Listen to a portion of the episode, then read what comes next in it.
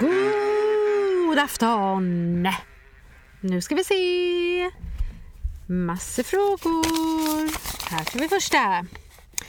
Har du kunnat använda din skådespelarbegåvning vid andra tillfällen i livet? Uh, la, la, la, la, la, la, la, la, la. Ja, det tycker jag att jag har. Ibland finns det tillfällen till exempel då man kanske inte riktigt känner för att gå på fest. Det här kanske alla känner igen egentligen. Och vi är väl alla lite till sådär, lite skådespelare lite då och då. Men eh, säg att man är hemma och så vill man egentligen inte. Man skulle bara vilja sitta i myshörnan hemma i soffan med massa myskläder och dricka en kopp te och äta choklad. Och så är det ändå den där festen som oh, någonstans så tänker man ja, men det, det är klart att det kommer vara roligt när jag väl är där men just nu vill jag egentligen bara sitta i soffan och mysa och äta choklad. Då är det ganska bra att också kunna sätta på sig ett skådespelaransikte att säga så här okej okay, men nu är det så här att även om jag måste sitta eller helst skulle vilja sitta i soffan och mysa och dricka te och äta choklad så får jag rycka upp mig och sätta på mig festblåsan och låtsas som att jag har roligt i alla fall och vips 1, 2, 3 så har man faktiskt roligt för det var nog roligt att gå på fest också. Så lite så. Sen ska jag väl tillstå att jag har gjort jobb i livet och då menar jag inte skådespelarjobb utan andra jobb, med sådana jobb som man på engelska kallar för bread and butter jobs som kanske inte har varit superintressanta jobb men där jag inte har gått runt med en tråkmin utan ändå agerat som att det har varit jätteintressant. Ja, lite så. Alright. Hoppas att det gav svar på frågan. Här kommer nästa fråga. Är det svårt att dansa och sjunga samtidigt och finns det knep? Ja, det är det. Det är svårt att dansa och sjunga samtidigt. Varför då? Jo, därför att båda de här sakerna kräver att man har väldigt god kondition. Men sångkondition kan man ju använda upp genom att stå väldigt lugnt och fint och rätt upp och ner på fötterna och inte röra sig och tillåta att andningen verkligen sker där den ska ske och sådär. Men så fort man börjar göra någonting ytterligare i den där mixen som att till exempel dansa jättemycket så blir man ju redan där bara av dansen väldigt andfådd. Och så ska man då sjunga på det och säga att det är en snabb sång och en snabb dans. Då är det tricky. Finns det något knep? Nej, det gör det inte faktiskt. Utan knepet heter öva, öva, öva, träna, träna, träna, öva, öva, öva, träna, träna, träna. Och sen när man tycker att man har tränat så ska man träna lite till, ungefär så. Så att det gäller att vara i toppform för att klara sina där eh, nummer. Sen självklart så finns det mm, mm, jag tror, jag har inte fått det här verifierat någonstans, men jag tror att många stjärnor som reser runt eh, jordklotet med supershower med mycket, mycket dans och sång i form av att de har antingen booth singers med sig som står i kulisserna och sjunger med som stöd bakom eh, artisten, bakom stjärnan och eller att de sjunger till ett eget inspelat track. Så sånt förekommer säkert också, så det är väl kanske ett litet trick eller lite knep så. Ehm, men jag vill ändå hävda att de ändå är i toppform och faktiskt också sjunger på sin egen röst som må vara inspelad. Om det är ett riktigt klurigt nummer. Men jag minns ett nummer som vi gjorde på en av båtarna som var en uptempo-version av den här uh, Enough is enough is enough. Och den är redan ganska snabb men det här var liksom ännu, ännu snabbare. Och de hade gjort en koreografi som var um, nu ska vi se, jag tror att det var Kylie Minogues den här Can't get you out of my head. Uh, den låten när hon går omkring i någon röd uh, dress av något slag. De hade gjort den designen på våra klänningar som vi skulle ha på oss och en koreografi som var rätt knepig och det gick väldigt, väldigt fort.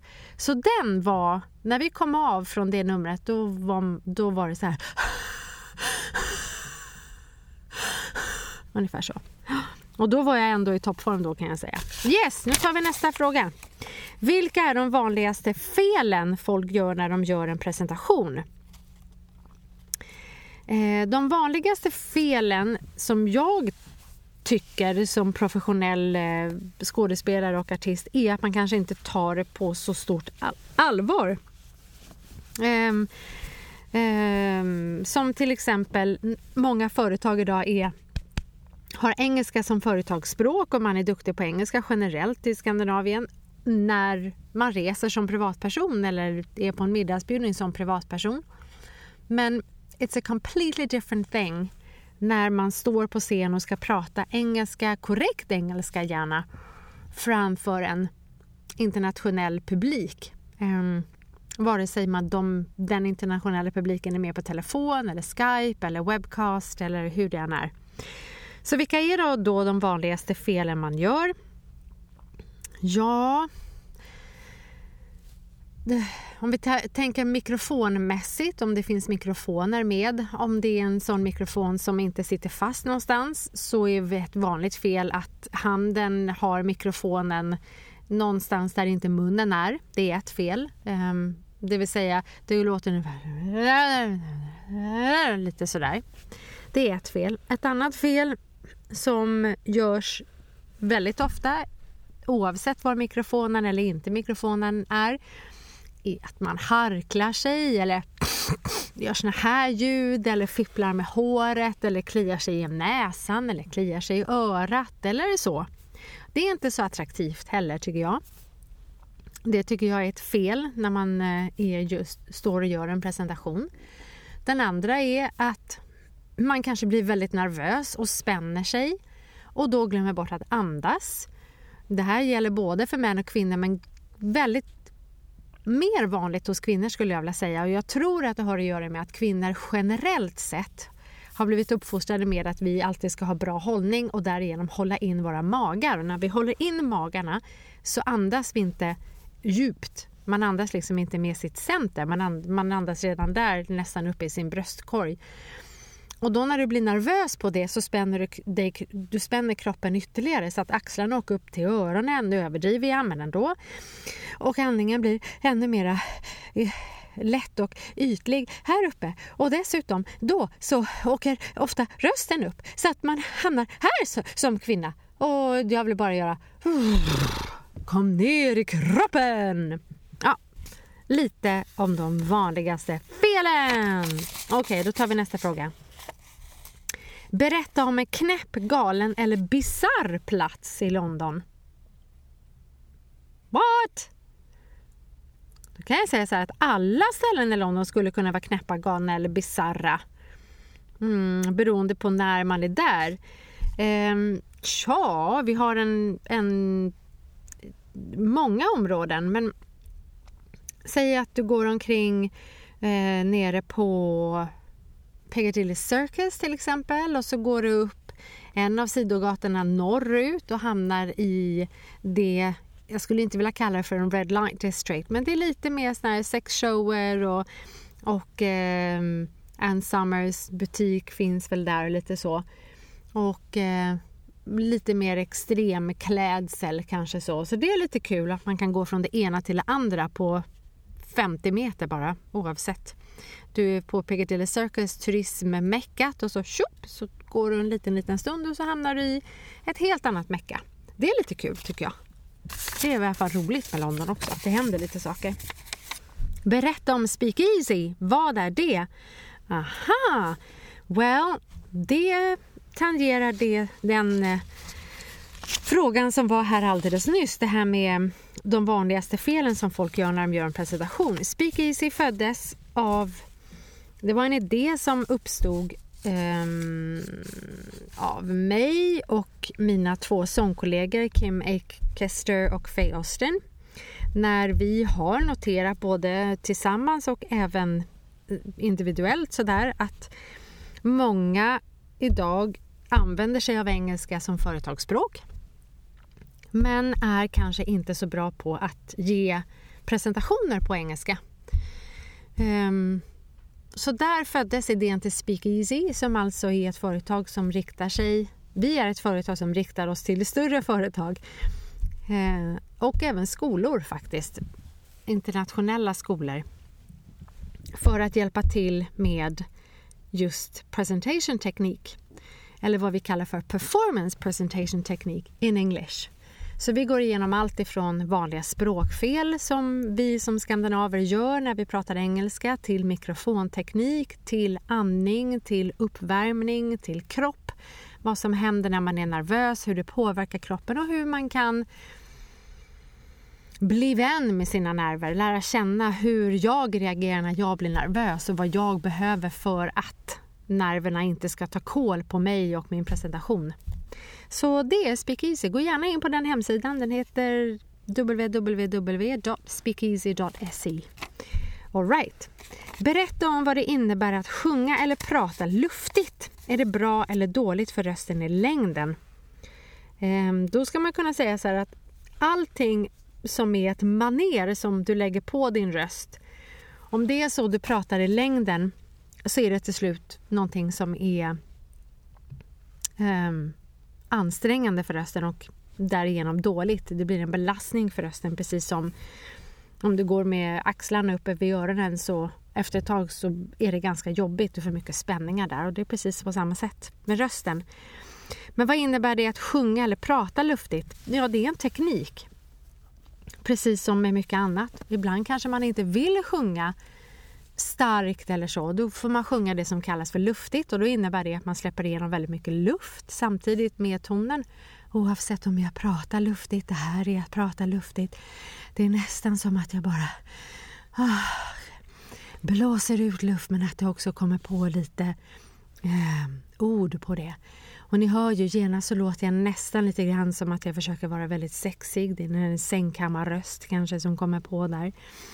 Och även när man sjunger lite luftigt så kan det också bli så. Tänk er Marilyn Monroe när hon sjöng eh, Happy birthday där till eh, Mr Kennedy. Då sjöng hon luftigt. Men ja, det är dåligt för rösten om man gör så hela tiden i längden. Så att när man använder sig av den tekniken så ska man ha mycket stöd med sig och att andningen är igång och sådär. Och sen kanske öva rösten ordentligt. Stänga stämläpparna och öppna dem och sluta tätt. Så man kan sluta tätt också. Okej. Okay. Måste man kunna läsa noter för att få jobba som sångerska? Nej, tack och lov så måste man inte kunna läsa noter för att kunna jobba som sångerska. För jag kan inte läsa noter sådär jättebra. Så att det behöver man inte kunna. Sen är det självklart ett plus om man kan det.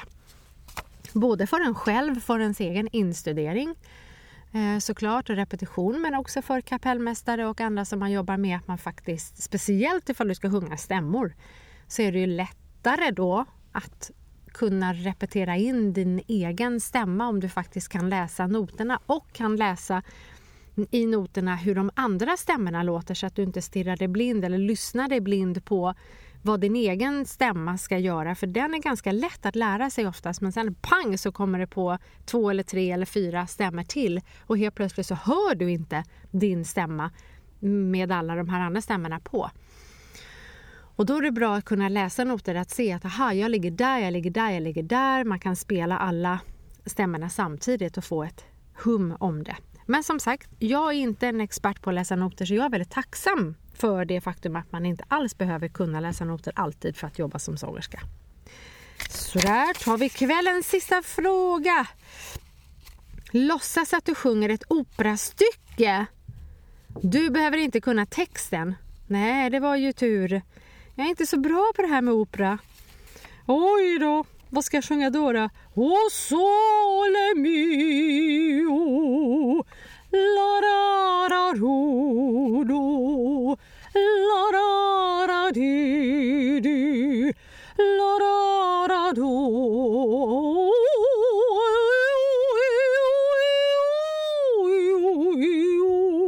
Ja, det var min eh, det var min eh, tribute to opera. Inte så speciellt bra, var kanske lite för mycket vibrato där. Men i alla fall, det är mitt, eh, i mina öron så låter då opera ofta så. Alright, det var alla frågor för idag. Tusen tack för dem. Skicka gärna in mer frågor. Då mejlar man erika at erikadittmer.com Alltså Erika med K, snabela Erika med K, dittmer, D-I-T-T-M-E-R.com och så märker du mejlet Fråga. Så hamnar det i en magisk liten mapp som inte jag ser innehållet på förrän jag står här och ser frågorna. Okej, tack för idag. Hej då!